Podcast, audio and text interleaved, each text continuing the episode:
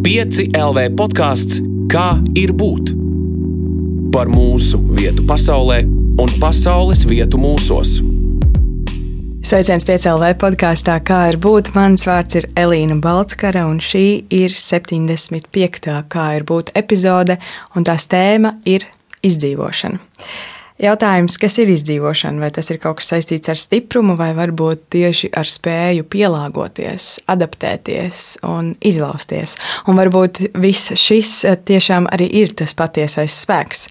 Šodien pie manis ciemos ir eh, izdzīvotājs, kurš spējas izlausties no grūtībām, kas pieredzamas eh, tādā vistuvākajā no mūsu vietām - ģimenē. 19 gadus vecais Aleks Dimiņš, kurš nu pat uzsāks studijas Rīgā. Čau! Čau, Elīna.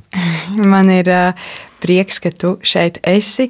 Un, uh, es te pārbaudot skaņu, prasīju, no kurienes tu atbrauci. Un, um, tu man pateici konkrētas lokācijas, bet tagad es tev jautāšu, no kurienes tu nāc. Man nevajag konkrētas lokācijas šajā reizē. Bet uh, no kurienes tu nāc? Kas ir tavs stāsts? Es nāku no uh, vienbērnu ģimenes, un vienīgais bērns. Es dzīvoju visu savu dzīvi kopā ar alkoholiskiem vecākiem, kopš bērnības līdz 18 eh, gadu vecumam, kopš izdotas no viņa mājas. Un eh, mēs nedzīvojām ļoti turīgā ģimenē, mēs dzīvojām. Nu, var teikt, bija nauda, bet mums jau naudas nekad nebija tieši viņu alkoholisma dēļ. No turienes es nāku. Mm. Kāda bija tā bērnība? Mana bērnībā sākumā es diži nesapratu, kas notiek. Tā kā daudz apkārt, nu, kā daudzi bērni, bet uh, man viss bija kārtībā manā bērnībā, jo man bija tā, ka es uzskatu, tā man neviens nesita, man viss bija kārtībā, un es sadzīvoju ar to. Bet es vienmēr zināju, ka mani vecāki dzer, bet es nekad nesapratu, kad viņi patiešām dzer vai viņi kaut ko tādu sliktu dara. Es darīju visas bērnišķīgās lietas, es gāju ārā, spēlējos ar draugiem, es izbaudīju bērniem, uz mūžu kastē taisot. Uh, kartupeļu pankūkas no smiltīm un e, dubļiem. Un pārējais viss bija kārtībā. Sākumā paši paši mazākie gadi man. Kā tas, kas ar tevi notika ģimenē, salīdzinājumā, nu, tās bija tādas, es pieļauju, ka divas pasaules. Nedaudz bija tā ģimenes pasaule viena, un tad bija tā, tā ārā, tā smilškastas pasaule, kas uh, droši vien bija nedaudz citas, bet tomēr tā ir viena un tā pati pasaule joprojām. Kā tās pasaules ietekmēja tavas personības izaugsmi? Man liekas, ka es iemācījos slēpt ļoti daudz, īpaši, īpaši savas emocijas un savu mājas dzīvi, jo mana draudzene, kurai ieteica šeit būt, tā bija tā meitene, kas dzīvoja kaimiņos, un mēs vienmēr darījām pilnīgi visu kopā, visu savu bērnību, es pavadīju kopā ar viņu. Un viņa arī būdama maza, maza meitene, viņa arī, arī neko nezināja kas notiek manā mājā, kādās manās mājās aiz durvīm. Un uh, arī apkārtējie, eh, pieaugot mazliet, neviens arī īsti nezināja, kas notiek aiz manām durvīm mājās. Un uh, Es arī dižinam nestāstīju, jo man liekas, ka aiz manām durvīm mājās pilnīgi viss ir kārtībā, jo man liekas, ka aiz visu durvīm tā notiek. Bet, eh, piemēram, bija citas reizes, kad eh, atnāca tā meitene pie manis mājās, un viņa tā kā redzēja, ka tur nav viss tā kā viņas mājās, un viņai nekad negribēja nākt pie manis ciemos vairs, un viņai vienmēr teica, ka viņai bail no maniem vecākiem ir atrasties tur. Es viņai jau vienmēr jautāju, kāpēc, tad viņai viss ir kārtībā, tad tā arī nāk pie manis. Un, uh, tas vienmēr radīja šaubas manī, un es eh, nekad ne, ne, nesapratu, kas notiek, kāpēc. Un, eh, Es ieradu slēpt vairāk lietas, tam tāds, ah, viņai tas nepatika, un kaut kas tur nebija labi, tāpēc arī man nevajag to vairs rādīt. Un turpmākajot uz nākam, nākamo dzīves posmu, tā kā augsts, augstskola tagad, kur es būšu, un uh, pusauģa vecums, uh, Es uh, nevienu cilvēku nekad neaicināju pie sevis mājās, arī turpmāk ejot, jo es iemācījos, iemācījos to no bērnības, ka nē, tas nav labi, ka man nevajadzētu to darīt.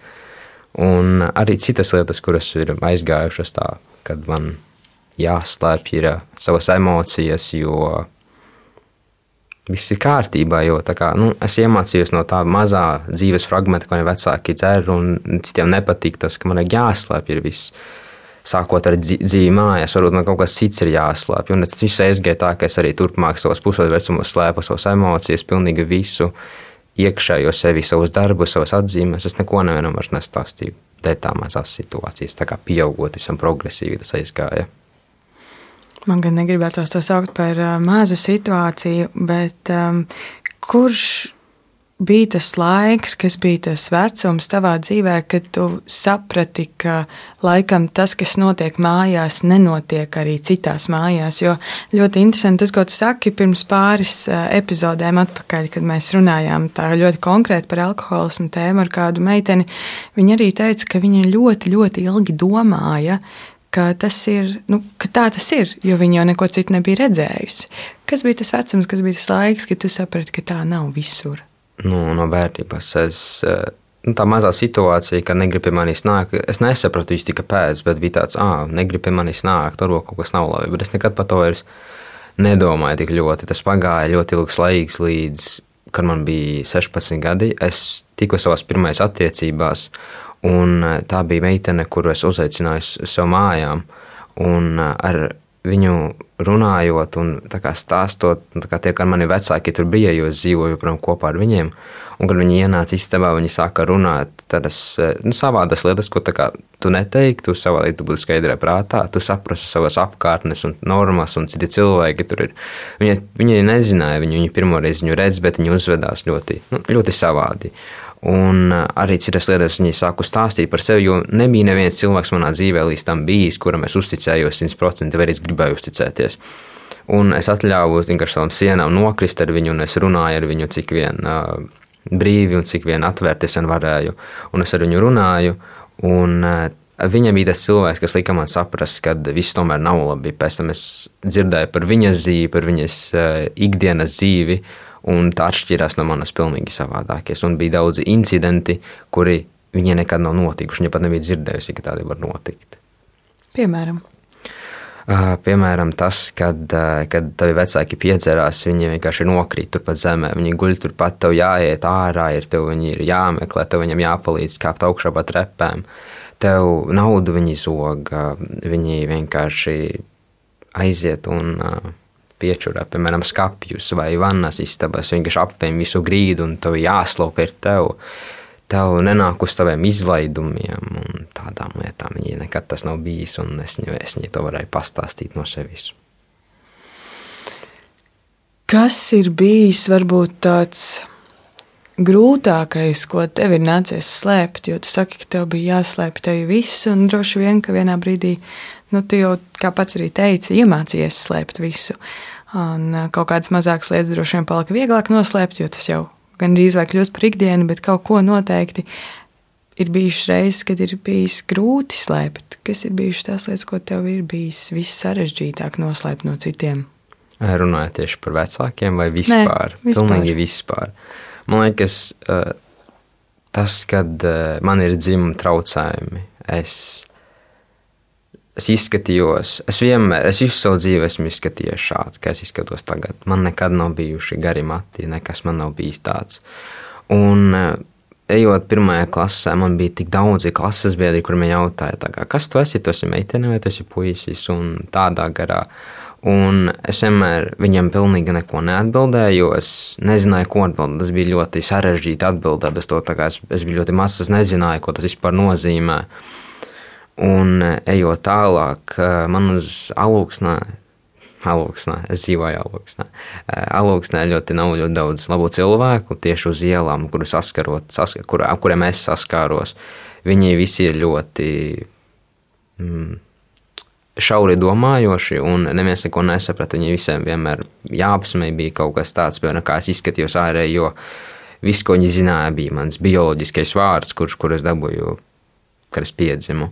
Un viņi, kad man redzēja, viņi obligāti vajadzēja pateikt to vārdu, viņiem obligāti vajadzēja sasveicināties, kur viņi man nepazina. Es viņus nepazinu, bet viņi mani zināja. Un uh, es vienmēr tieši slēpu to, kā, kas es esmu, jo es nevienam negribēju to pastāstīt, jo tas ir grūti vienkārši pateikt, kā, mainīt savu dzimumu un pilnīgi pateikt, esmu pilnīgi cits cilvēks nekā ko tu redzēji. Un uh, to, kad es pastāstīju, citiem cilvēkiem. Tā bija tā meitene, kur pirmās cilvēks attiecībās. Viņa nezināja pilnīgi neko. Viņa redzēja manī, ka kā mans bioloģiskais vārds neko nezināja. To viņa zināja. Un es viņu pazinu, un es trīs pēc trešās dienas viņai pateicu visu. Viņa bija piln, pirmais cilvēks, kam es patiešām pateicu, un es vairs neslēpu pilnīgi neko no sevis. Un tā bija tā reize. Tas bija visgrūtākais, ko man vajadzēja slēpt. Kā bija iepazīties ar situāciju, kurā tev nav jāslēpj? Tās, es joprojām ar to cīnos, ka nav nekas jāslēpj vairs, jo man vienmēr liekas, man e, tā pase, kas man ir, man ir mans jaunais vārds. Un uh, man ir tik grūti, ka es gāju pie apsarga, es viņam pateicu nepareizo uzvārdu. Un tas bija ļoti liels šoks priekš manis. Un, uh, Vēl kad es iepazīstos ar pilnīgi citiem cilvēkiem, kad es gāju uz universitātes pasākumu pirmo uh, zēgāju stradiņiem tāds ir. Un tur man vajadzēja iepazīt cilvēkus, un tur man bija tāds batch, un tur bija rakstīts Aleks. Un, uh, kad es iepazinos cilvēkiem, joprojām ir tik jocīgi pateikt vārdu, ka mani sauc Aleks. Es esmu Aleks. Un tas, tas, ir, tas ir pats jocīgākais no visām. Bet tu smaidi to sakot. Es smaidu, jo es patiešām vēl nespēju. Nu, man vēl nav bijis tāds moments, kad patiešām šis ir noticis, kad es nomainīju savu pasi. Tas bija 20. 20. jūnijā, jūlijā. Es pārmainīju, un es joprojām neesmu sapratis patiešām to, ka es nomainīju pasi. Un pilnīgi visi cilvēki manā dzīvē, kas mani tagad pazīst, neviens neizmanto manu to bioloģisko vārdu, bijušo vārdu. Un man joprojām nav tā sajūta, ka tas ir noticis. Es gaidu kādu momentu, kādu uh, prātā, tādu brīvumu, kad es sapratīšu, ka tas viss ir noticis, un tā visa dzīve man ir pagātnē. Es pēc tam esmu citā pilsētā, un neviens mani te nepazīst. Viss, kas man ir zinās, būs man istabas biedri, neviņi arī no loksnes. Izklausās, ka šis posms tev ir kā tāda jauna dzīve, ļoti, nu, gan jauna pilsēta, studijas, vārds un viss pārējais. Kā tu jūties? Vai tev ir tāda sajūta, ka tu esi izdzīvojis, vai ka tu esi izlauzies, vai kaut kā citādi? Tie mirkļi, kad es iepazinos ar to meiteni, tad man likās, ka manā dzīvē, man liekas, man bija dzīvē pats zemākais brīdis, jo uh, bija ļoti, ļoti daudz vakari, kur es staigāju pa istabu, istabu, jo es nevarēju nosēdēt. Man liekas, ka es vienkārši, vienkārši turpat uz vietas, un nākamajā dienā es varēšu iet un iet un nomirt, jo man bija tik slikti, jo man liekas, ka nekas nekad nepaliks labāk. Tas bija, man liekas, 18. gads, kad es meklēju informāciju par to, kā, kā var nomainīt vārdu, kā var uzsākt kā hormonu terapiju un visu to, un pilnīgi nekā nebija viss, kas bija kaut kādas intervijas no 14. gada, kur e, intervētāji apsmēja tos cilvēkus, ļoti pasīvi, agresīvus komentārus tiem cilvēkiem sniedza. Un tas bija viss, visa pieejama informācija. Un man vajadzēja vienam pašam e, iet cauri visiem alūksnes ārstiem, kuri arī nav ļoti apzinoši par to visu, un pēc tam 18 gadus bija gadu laiku atpakaļ. Un uh, man vajadzēja pie viņiem iet, un viņi man nespēja dot atbildi. Viņi man iedod aptuveni, viņi man sūta tālāk un tālāk, un es gāju tālāk un tālāk. Man bija 16 gadi, man nebija mana vecāka atbalsta, viņi neatbalstīja to visu. Man vajadzēja krāt kaut kā naudu, lai tiktu pie tiem ārstiem un kaut kur tā. Un, uh, Es eju pie visiem, man ģimenes ārsts nezina, ko darīt. Mani sūta pie psihiatra, mana psihiatra pasaules manu tēti. Un man tētis saka, nu, ja tu neko nevar izdarīt, tad neko nevar izdarīt. Nu, tā man pateica tā ārste.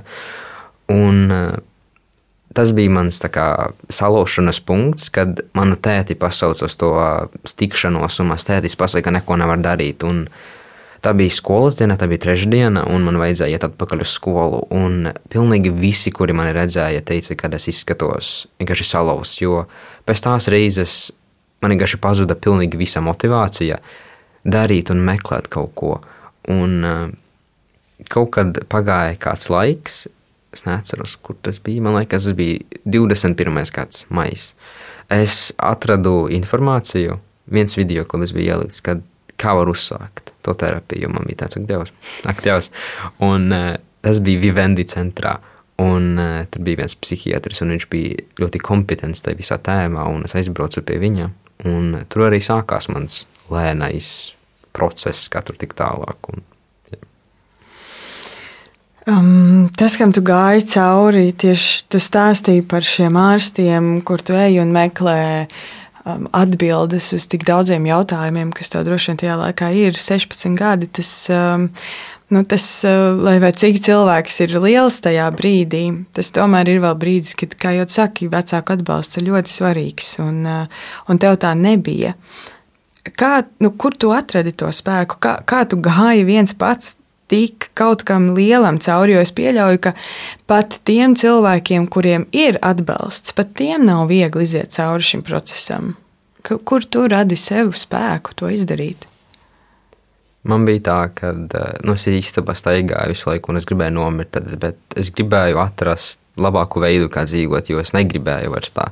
Un man nebija vecāku atbalstā, bet vai es gribēju turpināt dzīvot tādu dzīvi, kādu es dzīvoju, tad vai es gribēju kaut ko mainīt. Un man vienkārši nekas cits neatlika, man vienkārši vajadzēja mainīt, vai nu es kaut ko darīšu, un es dzīvošu laimīgi, vai arī nē. Un es arī tā vienkārši meklēju visu, un es zvanīju vienkārši man bija man ļoti liela trauksme. Vismaz man joprojām ir, bet eh, vairs nav tik traki. Tad man nebija nekāda medikamenta, man nebija nekā, nekā man pilnīgi kā nebija. Un es zvanīju ar savu milzīgo trauksmi, un es nevarēju sazvanīt tos ārstus, nevarēju pacelt to telefonu, kad man atzvanīja, vai es mēģināju zvanīt, es nevarēju. Bet es vienkārši spiedu tam cauri, es sagā, darīju to. Ja nevar, man, man bija tāds moto priekš sevis, man joprojām tam turos. Ja es to nevaru izdarīt bez bailēm, tad es darīšu to ar bailēm. Un to man arī vajadzēja darīt ar pilnīgi visu to procesu. Jā, tas izklausās pēc um, jā, kaut kā, kas prasa neiedomājami daudz spēka, un, kā jau teici, arī finansiālos līdzekļus, uh, par kuriem tev pašam bija jāgādā. Ka, kā tu dzīvojot ar saviem vecākiem, uz kuriem tu nevarēji paļauties, kuriem drīzāk paļāvās bieži kādas reizes uz tevi, jo tu palīdzēji viņiem. Um, kā tu parūpējies par sevi tīri arī nu, materiāli, fiziski, ne tikai emocionāli, bet uh, vajag taču um, sagatavoties kaut vai skolai, vajag uh, uztaisīt ēst, vajag uh, darīt kaut kādas praktiskas lietas. Uh, kā tas bija tavā dzīvē? Parasti pilnīgi visu darīju es. Mājās ēst parasti taisīju es ja nu es netaisīju ēst, tad viņi taisīja priekš sevis. Tas, kad viņi varēja, tad viņi bija kompetenti to darīt. Nu, bija reizes, kad uh, vienkārši viņi, speci, viņi zināja, ka man daudz kas negaršo. Man ir tā, ka bērnībā es pilnīgi neko nēdu. Man viss, kas man bija, bija kartupeļi un makaroni un dārzeņi. Dārzeņi, tomāts un gurķis. Tas bija viss, kas bija. Tas bija viss, ko es ēdu. Un pieaugot, man negaršo vairs daudz lietas, jo es vienkārši nekad nēdu to. Un viņi zināja to. Viņi zina, ka man negaršo pilnīgi daudz kas. Bet viņi speciāli taisīja tieši to, ko, ka, ko viņi zina, kas man negaršo. Lai tas, ka viņi gribēja to. Viņi nedomāja vienkārši par mani vairs. Viņi tikai pēc tam, es gribu to zupu šodien, es ēdīšu to zupu. Un Piemēram, kad bija jāiet uz skolu, bija jāgatavojas kaut kādām tādām lietām. Manā mamma visu laiku teica, ah, skolā nāk kaut ko tā, kaut ko tā. Viņa arī laiku kūdināja to par augstskolu drīz būs, kā, kur ir četri gadi, ja jāsāk krāt jau kaut ko tā. Bet eh, to viņa tikai teica. Viņa vienkārši to pateica, skolā nāk, kā augstskolā jāsāk krāt, bet eh, nekādas darbības viņas nelika iekšā. Viņa vienkārši tur pateica, un tur arī apstājās tas viņas process piemēram, par māju, kad māja visu laiku bija jātīra. To visu laiku darīju es. E, ja viņi kaut ko vienkārši sacūkoja, tas viss bija jāsatīra pārsvarā man. Un par naudas lietām. Mans tētis pelnīja ļoti, viņš pelnīja pietiekami daudz naudas. Viņš arī dara kā, kā viņš saka, haltūras. Viņš iet un daudz ko dara, viņš ļoti daudz ko māca. Un uh, viņam parasti bija nauda. Viņam, kad viņš atnāca mājās, viņam papīrā bija parasti daudz naudas. Un vienmēr, kad viņš bija ļoti piedzēries, viņš vienmēr iedeva man naudu. Un viņš neatcerās pēc tam, ka viņš man iedeva to naudu. Man kaut kādi 20 eiro, 50 eiro tikai vienkārši man stāvēja tā nauda. Un priekš pusdienām skolā man tikai bija ētalons, es pat ētalonu arī ēdu.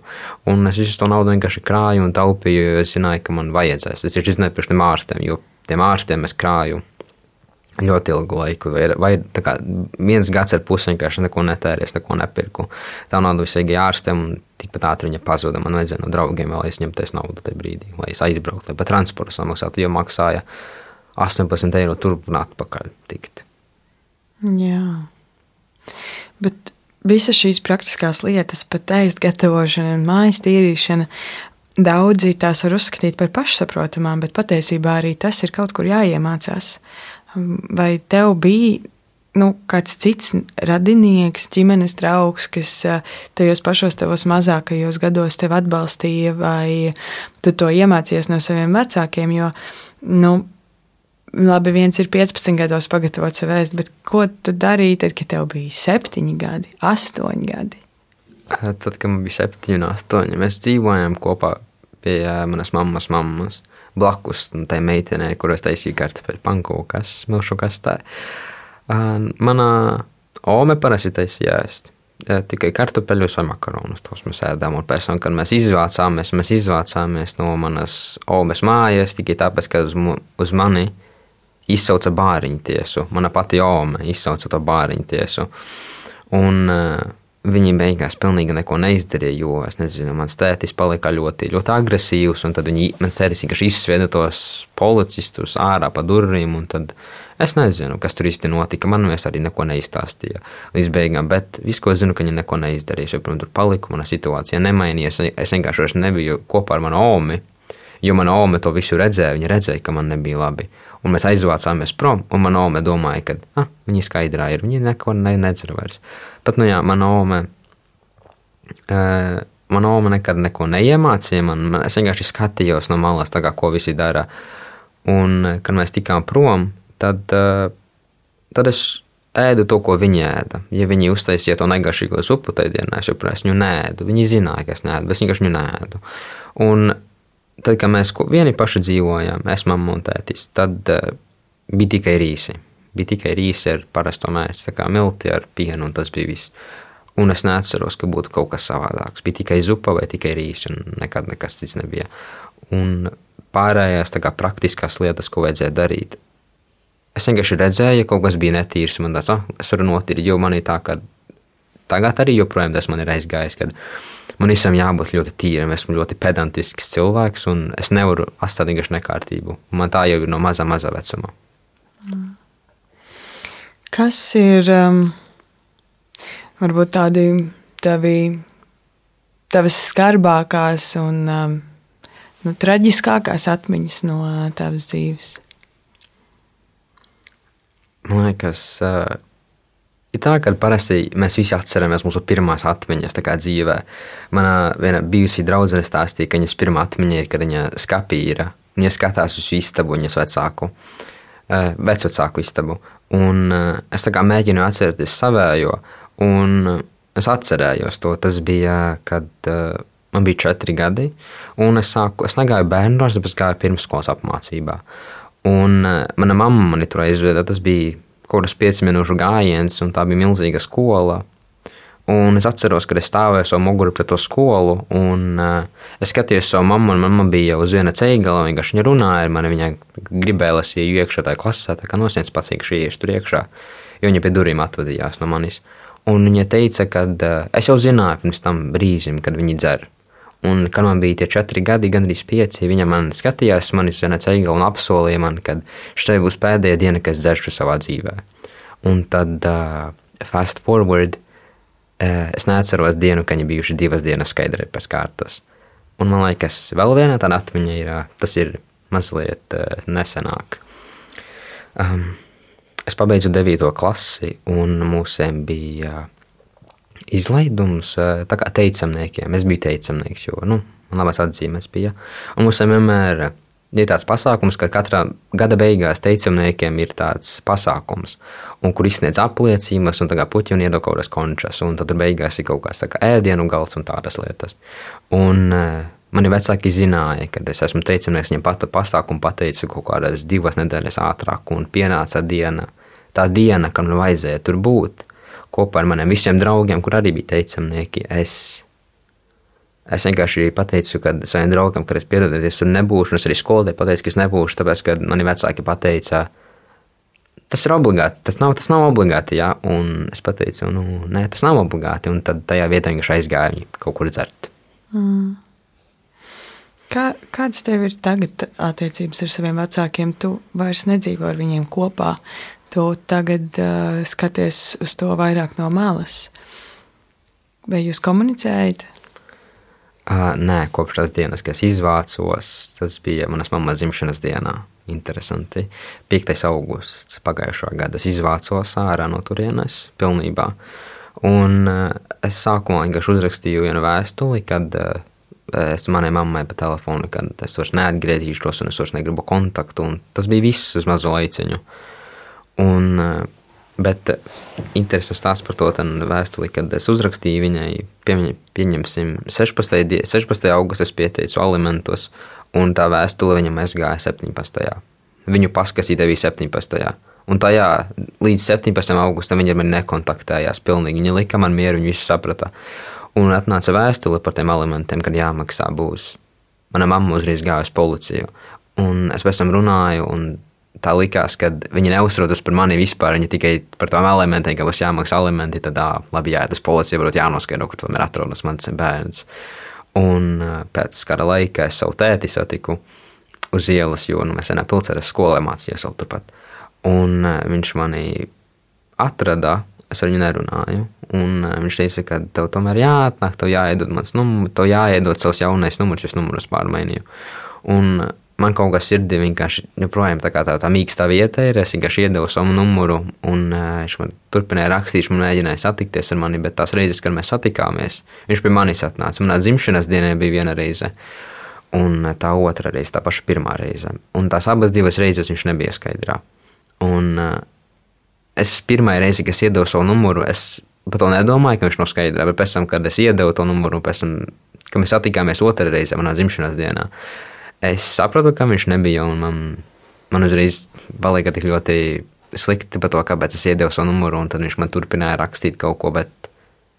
Tas viss vienkārši bija pazudis, un es nožēloju to, ka mēs kontaktējamies kaut kā, es atļāvu sev tikt tajā situācijā, no kuras es bēgu prom. Es vienkārši atkal vīlos par to, kas viņu redzēja, ka viņš bija piedzēries, ka viņš atnāca pie manis, lai man apsietu dzimšanas. Tad varbūt tas ir ļoti jauki no viņa puses, bet te pašā laikā Tas bija no kā es bēgu visu, visu to laiku. Un mēs neesam kontaktējušies ļoti ilgu laiku kopš tā.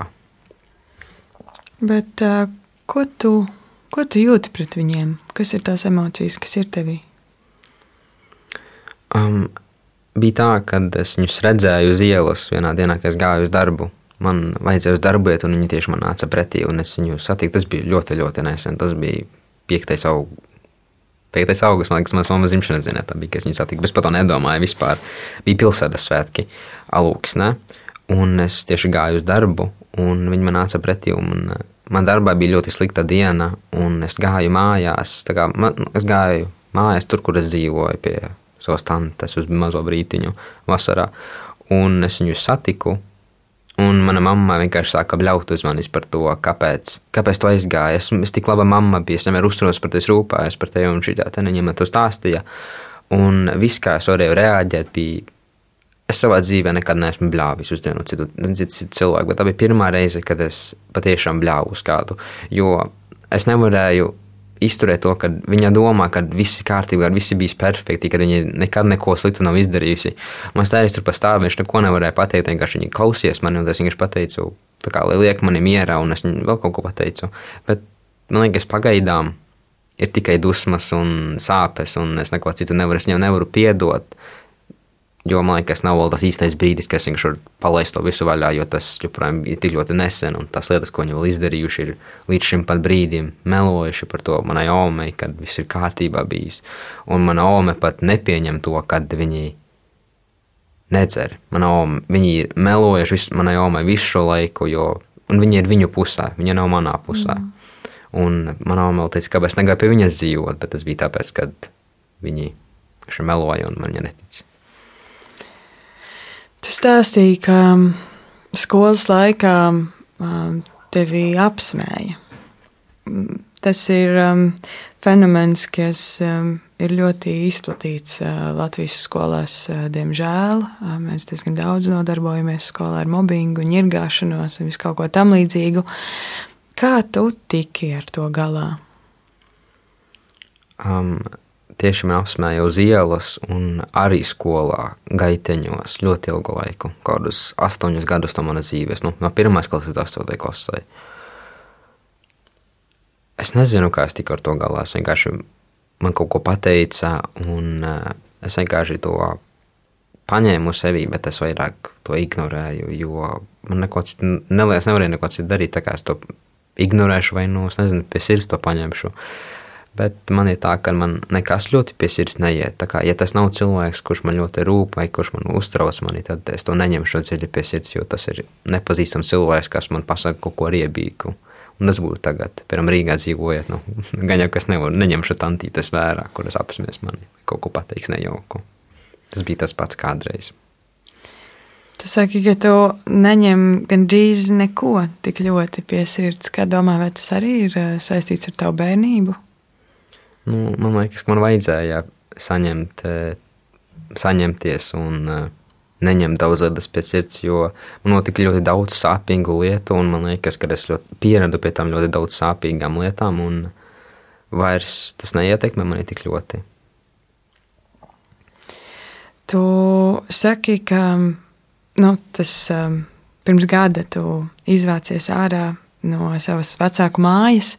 Kas bija tev tādi grūtākie soļi vai lielākais izaicinājums tajā, lai tu nu, izlaustos uh, no tām bažām, kas uh, tev ir turējušas tik ilgus gadus? Lielākais, man liekas, tas, kad uh, viņi neleposies ar mani. Kaut es zinu, ka viņi nelepojas ar mani, to es saprotu, to es zināju, bet es negribēju tam ticēt. Un tad, kad es izvācos, es negribēju viņus redzēt. Es negribēju būt vienā mājā, tajā pašā tajā brīdī, kad izvākšos, jo es negribēju dzirdēt tos komentārus. Es paņēmu savus mantas, sakravāju jau vairākas dienas iepriekš, un tad es vienkārši izvācos. Tad, kad viņi bija piedzērušies un viņi gulēja, viņi nedzirdēja, kas izgāja no mājas ar savām mantām un es vienkārši pazudu. Un eh, man palīdzēja tas, kad eh, man bija cilvēks, kas man palīdzēja, un man bija kur palikt. Es eh, pie vienas draudzenes paliku, jo viņas māsa tajā brīdī arī bija izvākusies ārā, jo viņai arī dzīvē bija tāda situācija, ka viņa satikās ar alkoholiskiem vecākiem. Viņas, viņas tēvs tieši bija. Un es aizvācos pie viņas, un viņa saprata mani. Un es tiku tur, palīd, pateicoties viņai, un tas bija man dzīvē vislielākais solis. Es nevaru vārdu izskaidrot, cik ļoti es esmu pateicīgs priekš viņas, bet mēs taču nekontaktējāmies, diemžēl. Notika citas lietas. Bet uh, viņa bija tas cilvēks, kas man palīdzēja. Viņa atvēra durvis man uz pasauli bez viņiem, un bez viņas kā, cilvēka, kurš man varēja palīdzēt. Es nezinu, kur es būtu tagad. Vai tev, tu saki, šajā gadījumā tu arī dzirdēji par vecākiem, kuri ir alkoholiķi, kas nav um, nu, tev kāds paziņa tātad, vai tu dzirdēji vēl līdzīgus stāstus, vai tev vispār ir zināmi līdzīgi stāsti tiem, tam, kāds ir tavs? Man ir uh, viena bijusī klases biedrene, un uh, bija viena reize, kad mēs vienkārši sēdējām manā istabā, un mēs runājām par eh, nu, ļoti atvērtu runāt. Tā bija pirmā reize, man liekas, dzīvē. Nu, mēs bijām draugi kādreiz, un mēs pašķīrāmies vairākiem gadiem, un tad mēs satikāmies atkal. Un mēs runājām ļoti atklāti, un tā bija pirmā reize, kad es dzirdu par viņas situāciju, un tā bija pirmā reize, kad viņa dzird par manu situāciju. Viņai tēvs aizgāja prom no mājām, un arī bija ļoti liels alkoholiķis. Tas lietas, eh, eh, kuras viņa stāstīja man, es varēju pilnīgi saprast Pilnīgi, pilnīgi uz vārdu es arī sapratu, ko viņam pateica. Un viņi saprata identiski, ko es pasaku atpakaļ. Tieši par to mūsu vecāku situāciju. Un uh, mēs tā istabā manā nebijām vieni, tieši bija vēl citi mūsu draugi kopējie. Un uh, mūsu draugi, tie cilvēki, ar kuriem mēs, mēs arī esam runājuši, ļoti atvērti, viņiem es, es nekad nevarētu piemēram, pateikt to, ko mani vecāki ir darījuši, to, vai arī viņi dara, vai arī saka. Jo nu, viņi pateiks, jā, tas ir briesmīgi vai kaut kā tā, bet tā meitene, ar kuru es runāju, viņa neteica, tas ir briesmīgi. Viņa zina, ka tas ir briesmīgi. Viņa vienkārši tā kā stāsta, mēs tā kā smējamies, bet mēs raudam par to pašu, jo tas bija ļoti emocionāli, bet ļoti saprotoši. Un tas man likā justies ļoti saprastam un ļoti komfortabli e, sliktā situācijā. Mm. Tu stāstīji par visu to, ko tu esi piedzīvojis, un uh, tas ir prasījis tādu ļoti lielu patstāvību, protams, no tevis. Um, vai ir tā, ka tu ļoti ātri sajūties pieaudzis? Man ļoti daudz ir to teikuši, ka es esmu ļoti pieaudzis, un man ir tā, ka man neinteresē daudz lietas, un esmu, es tehniski esmu ļoti nopietns, bet te pašā laikā es neesmu. Man vajadzēja pieaugt tādā ziņā, ka man vajadzēja darīt citas lietas, kuras citi bērni vienkārši nedara. Man vajadzēja kopt lietas aiz maniem vecākiem, kuriem citiem bērniem nevajag. Man vajadzēja uztraukties par finansiālām lietām, ko man par to nevajadzēja par domāt. Man vajadzēja zināt, kādas eksistē. Man vajadzēja domāt, ko mēs ēdīsim, vai mums nauda tam ir paliks pāri, vai mums nepaliks. Vai tev liekas, ka tev kāds ir nozadzis bērnību? Tieši par to manu vecāku ziņā, par to es diži nedomāju, tā ka man viņa nozaga bērnību. Man liekas, mana bērnība vienkārši bija izveidota. Tā mana bērnība bija ap to visu. Bet man liekas, vienīgā lieta, kas man nozaga bērnību, bija tā, kad manas, mani dzimuma traucējumi. Tādā ziņā, ka eh, es neizbaudīju to pašu bērnību, ko būtu izdzīvojis kaut kāds parasts mazs puisis. Es pieaugu pilnīgi savādāk, gribot to visu. Uh, Un eh, man ir bijuši ļoti daudz vakari, kad es par to raudu, un es uztraucos par to, un es nožēloju to, kad es nepiedzīvoju to klasisko pušu bērnu. Man nebija tie pušu draugi, mēs negājām vienkārši peldēties vai kaut ko tādu darījām. Tā ir vienīgā lieta, kas man ir uztraukusi ļoti, bet tā nav.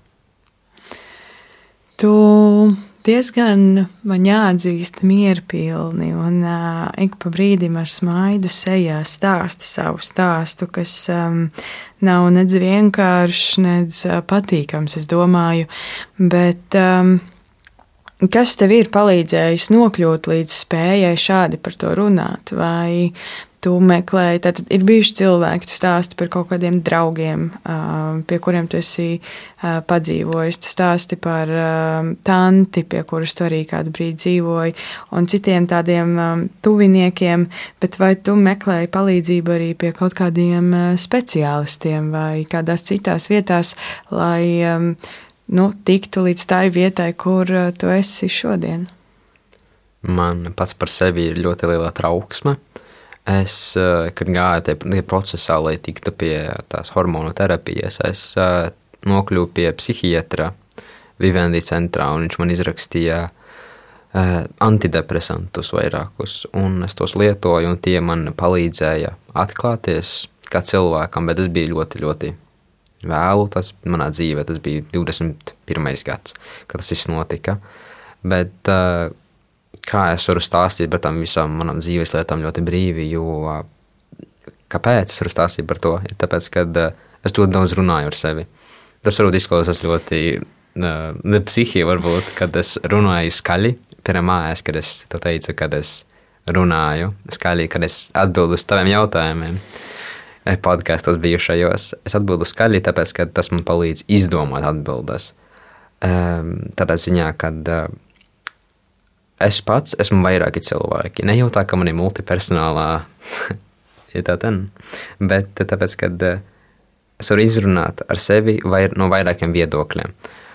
Es uh, izējūtu citu situācijai, piemēram, manam vecāko dzīve, kā es izvilku ārā, kā es nonācu pie tā lēmuma.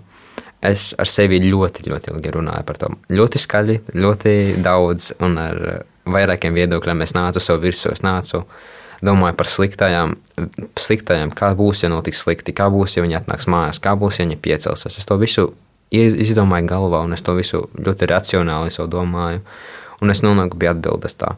Un man tā, runājot par sevi, nav jārunā ar maniem draugiem, man nav jāiet, jāmeklē atbildes citos cilvēkos, atbildi atrodu sevī. Un runājot par to ļoti skaļi, vairākas reizes tas man ir kad man ir vairākas reizes bijuši šāda saruna, tas eh, padara to visu ļoti ikdienišķu. Un tas vairs nav kaut kas, eh, kas ir ļoti sāpīgs vai ļoti grūti runājams, jo es to esmu iznesis, izrunājis cauri vairākas reizes, un tāpēc es varu tik viegli to stāstīt. Un, protams, pasmaidīt dažreiz. Jā, es jautāju tev par to, kā tu nonāci līdz tai vietai, kur tu esi šodien. Pirms tam bija periods, ko, par kuru tu stāstīji, ko tu raksturoji kā tādu ļoti tumšu laiku, kā tādu bedri, kurā tu esi bijis. Um, bet tu esi atnācis līdz šodienai. Kā tu raksturotu savu šodienu? Kur tu esi šodien? Šodien, šodien es esmu bez tik lielas trauksmes es, eh, man liekas, man liekas, ka man ir tā kā bipolar, ka esmu bipolar, un tagad man ir ļoti liels augstums. Bet vispār izņemot to, man liekas, ka man ir ļoti ideāla situācija tagad dzīvē, jo es beidzot jūtos ļoti komfortabli sevi. Es varu runāt par sevi un es varu neslēpt daudzas lietas, kuras es joprojām slēpju. Protams, es joprojām neesmu tāds atvērtākais cilvēks, kāds varēšu būt. Bet uh, es neslēpju vairs tik daudz lietas, jo beidzot es esmu savā uh, transition tik tālu, kad es varētu dot vairāk sevis. Man nav jāslēpj daudz, jo es priecājos par to cilvēku, kas es esmu. Protams, esmu, protams man ir mani mīnus arī, bet uh, tas vairs man neliek tik lielu uzmanību. Es vairs nelieku tam tik lielu uzmanību. Es uh, mēģinu un es cenšos ar tiem tikt galā, jo man jātiek galā un es mēģinu būt labāks. Un es esmu labāks nekā tajā brīdī, kad es kādreiz tur dzīvoju, tāpēc, tāpēc man liekas, ka man ir nav vairs tā bedra, jo es esmu laimīgs tagad. Um, es smaidu to dzirdot. Man prieks par katru cilvēku, kurš var teikt, ka, ka viņš vai viņa ir uh, laimīgs. Tas tiešām uh, ļoti, ļoti iepriecina. Un uh, tas, ko vēl es tev gribu jautāt, uh, domājot par tādām iekšējās pasaules izmaiņām, Tu pirms tam arī minēji, ka bija brīdis, kurā nu, tu nespēji iedomāties, ka vispār nu, ka var būt labāk, nu, ka tā tumsa ir tik liela. Vai tu atceries brīdi, kurā tu atguvi ticību tam, ka ir iespējams būt labāk, vai cerību vienkārši? Un, un, jo tas jau beig beigās ir tas, kas iedod spēku cīnīties. Jo, ja tu netici, ka var būt labāk, kā tad tu vari iet uz priekšu? Es atceros to brīdi, kad es dabūju cerību. Es, tas bija tas video, par ko es minēju, kad es redzēju, ka uh, patiešām ir veids, kā tikt pie tās hormonu terapijas un uz to pusiet. Es uh, biju istabā, biju, bija astoņi vakar, es atceros to ļoti. Un uh, mana bijusī draudzene bija kopā ar mani, un mēs tieši to video redzējām. Tas parādījās manā YouTube for you page. Un, uh, es viņu redzēju, un mēs viņu kopā noskatījāmies. Un, uh, mēs abi vienkārši sākām smaidīt, un es patiešām nespēju noticēt, ka kaut kas Latvijā cilvēks kāds ir to izdarījis, un tas ir ļoti nesen, un es par to uzzinu. Tas var notikt ar mani, man ir tikai jāpazina un jāsazinās, un viss jāizdomā, kā tur tikt un kā to tikt galā. Un, uh, Es atceros, cik es eh, priecīgs biju, un es vienkārši atceros, ka mēs apskāvāmies tik ilgi, un mēs abi bijām tik ļoti priecīgi. Es atceros, ka es simtprocentīgi raudāju. Un eh, es nespēju noticēt, ka var būt, un tas, tas video tieši, ko es ieraudzīju, man deva vislielāko cerību, kur es savā dzīvē esmu dabūjis. Un tu stāst par video, kurš kaut kādā veidā man gribētos teikt, ir izglābis tavu dzīvi, lai cik tas dīvaini neizklausītos. Un, uh, es arī piefiksēju to, ka runājot par šiem uh, dzimuma maiņas uh, kaut kādiem terminiem, tad daudzus izmanto angliski, un tas ir loģiski, jo droši vien, ka saturs par to tiek patērēts vienkārši angļu valodā, jo latviski par to tik daudz nerunā. Vai tu piekrīti tam, vai varbūt kaut kā citādi domā, ka mums Latvijā nu, par šo tiek runāts par maz? Kāpēc izmantoju angliski? Tas ir tāpēc, ka man liekas, ka latviešu valodā izklausās ļoti nesmuki, un man tieši tas nepatīk ar savu sirdi. Un man liekas, Latvijā par to nerunā vispār, bet ja cilvēki runā par to, tas ir ļoti, ļoti negatīvu gaismu, skat, skats uz to visu. Un Man liekas, ka par to vajadzētu runāt tik ļoti vairāk. Man liekas, ka vajadzētu vienkārši vairāk informācijas par to, kā, piemēram, man, ja pirms vairākiem gadiem, kā man tikt galā ar to visu. Man liekas, ar to pašu pietiek, ar to informāciju, kas ir, piemēram, uh, slimnīcu mājaslapās, kur ir nodaļas, kā slimības ārsti speciālisti. Man liekas, ka vajadzētu speciālistus un vienkārši nodaļiem uz kontaktu informāciju viņu un visam skaidri tur izskaidrotam. Pa solim, pa solim uzrakstītam, lai tev nav jāiet, jāmeklē dziļi kaut kur, varbūt tu nepareizi aiziesi kaut kur. Man liekas, ar to pilnīgi pietiktu. Nevajadzētu likt to ziņās, lai būtu visiem, visiem savs viedoklis. Vienkārši ir tie cilvēki, kas to vēlas un kas to grib un kas zina un simtprocentīgi pārliecināti, piemēram, tā kā es, man personīgi ar to pietiktu. Un man nevajag, lai citi cilvēki pārli ir pārliecināti, ka tas, ko daru es, ir kārtībā. Jo es zinu daudzus, un man ir daudz cilvēku dzīvē, kam, kas saka, ka jā, kad viss man ir kārtībā, kad viņi pieņem mani tāds, kāds es esmu. Tu saki, ka, ja par to teikt kaut kur runāts, tad tas viss ir tādā diezgan negatīvā gaisotnē. Kā tu gribētu, lai Latvijas sabiedrība skatās uz šo tēmu? Kā tu redzi to nākotnē? Nākotnē. Man liekas, ka uh, viss, protams, mainīsies.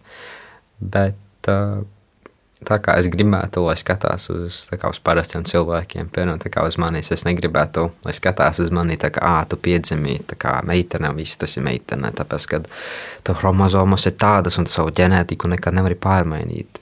Jā, tā kā mēs visi to saprotam, ka tā kā, tas tā ir, bet uh, tam tā nav jābūt tādā ziņā, kad sociāli un uh, sociālajos apstākļos tu, tu vari respektēt to cilvēku un nosaukt par viņu, ne jau tieši vienkārši skādēt, un nē, tu esi viņa. Tu, un tā, tas, ir, tas ir tas, ko es gribētu. Vienkārši respektu. Kaut tu, ja tu nepiekrīti, ja tu nepiekrīti, vienkārši respektēt, un lai tur arī viss paliek. Mm. Un kā tu redzēji pats sevi pēc pieciem gadiem? Tu to sāksi studēt, tev ir atkal kaut kāds jauns posms. Kā tu redzēji, kur tu būsi, kur tu gribētu būt? Godīgi sakot, tagad es esmu istabas biedreni, ka mēs runājam. Es Rīgā esmu četras dienas, šī man ir ceturtā diena, un es nespēju, es vienkārši nespēju sadzīvot. Man es jau gribu atpakaļ, kaut kas no turienes bēgu visu savu dzīvi. Es gribu prom no turienes, bet es tur gribu atpakaļ, tāpēc, ka man ir tāds pieredums, es te pilsētā esmu dzīvojis savu, visu savu dzīvi. Un vienkārši ir tik milzīgs šoks, ka te tik daudz kas notiek, ka te ir tik, tālu, un es dzīvoju meža ciemā, man jābrauc uz stradiņiem, un es, es nevaru. Un tas, tas, tas ir vienīgais, un, bet kur es redzu sevi. Es ceru, kad es absolvēšu, un es tik ļoti gribu Es tik ļoti gribu aizceļot uz citu valsti. Man ļoti simpatizēja Spānija. Spāņu valodu es māku, es joprojām mācos. Un tas ir viss, ko es gribēju. Es vienkārši ceru, ka es būšu ar savu papīru rokās, ka es pabeidzu un es varēšu tikt prom. Vismaz paceļot, varbūt atgriezties, bet paceļot. Kāpēc tu gribi prom? Nu, es jau esmu prom, bet, bet vēl tālāk. Bet vēl tālāk. Tāpēc, kad man ļoti simpatizē tieši Spānijas kultūra, es skatījos caur Google Maps, vienkārši staigāju to cilvēciņu. Un tās ielas, tas, tā izjūta atmosfēra, tas okeāns, kas tur blakus, un tā, tā temperatūra, tās tradīcijas, tie cilvēki. Es zinu, ka cilvēki būs tikpat riebīgi kā te, bet tie būs Spānijas cilvēki. Un es tik ļoti gribu redzēt to visu ar savām acīm, tur būt un runāt spāņu valodu ar visiem cilvēkiem. Jā. Vai tev liekas, ka riebīgie Spānijas cilvēki ir foršāki par riebīgajiem Latvijas cilvēkiem? Nu, man liekas, ka spāņu tagad tie insults būs stiprāki nekā latviešu. Bet um, šis, šis, protams, ir skaisti un pozitīvi, bet, uh, bet tomēr interesanti. Man gribas tev tāpēc to pajautāt. Uh, tu saki, ka cilvēki Spānijā būs tikpat riebīgi kā šeit. Uh, kas tas ir, kas tev liek teikt, ka cilvēks ir riebīgs. Nu, kas, es iedomājos, ka tā ir tāda vispār sabiedrības vispārināšana tajā brīdī. Kāpēc riebīgs? No kurienes tev šis uh, nāk? Es atceros, kad es ar vienu savu labāko draugu. Viņš kādreiz dzīvoja Ventspēlī, bet tagad viņš pārvācās uz uh, Angliju, dzīvo Anglijā. Un tas teikums, ko viņš teica, ka viņš teica, ka cilvēki ir tikpat riebīgi kā Latvijā. Un tas ir tāpēc, ka es to izmantoju. Bet man liekas, tas, kas padara tieši cilvēku riebīgu, ir tas, ka viņš tev saka sliktas lietas un vienkārši ar sliktu enerģiju uz, uzgāž tev virsū. Jo man ir bijuši ļoti daudz cilvēku, kuri tā ir izdarījuši, un es viņus nosauktu patiešām par riebīgiem cilvēkiem, tie, kas, piemēram, man apsauka uz ielas tos nosaukt par riebīgiem cilvēkiem, jo tā nebija viena reize. Tā kā netīšām to pasprūkt, tu netīšām viena reize. Nu, vienreiz tev ne, slikta diena, tu neesi riebīgs, bet ja tu to dari speciāli, lai kaitētu un darinātu sliktāk ciktāk citiem, tas būtu riebīgi. Zinu, kā daudz cilvēki, kuri piedzīvo tādu nežēlastību, mēdz arī būt tikpat um, nežēlastīgi pret citiem. Un, uh, un, un, ja pret viņiem izturas riebīgi, tad arī viņi to dara tālāk.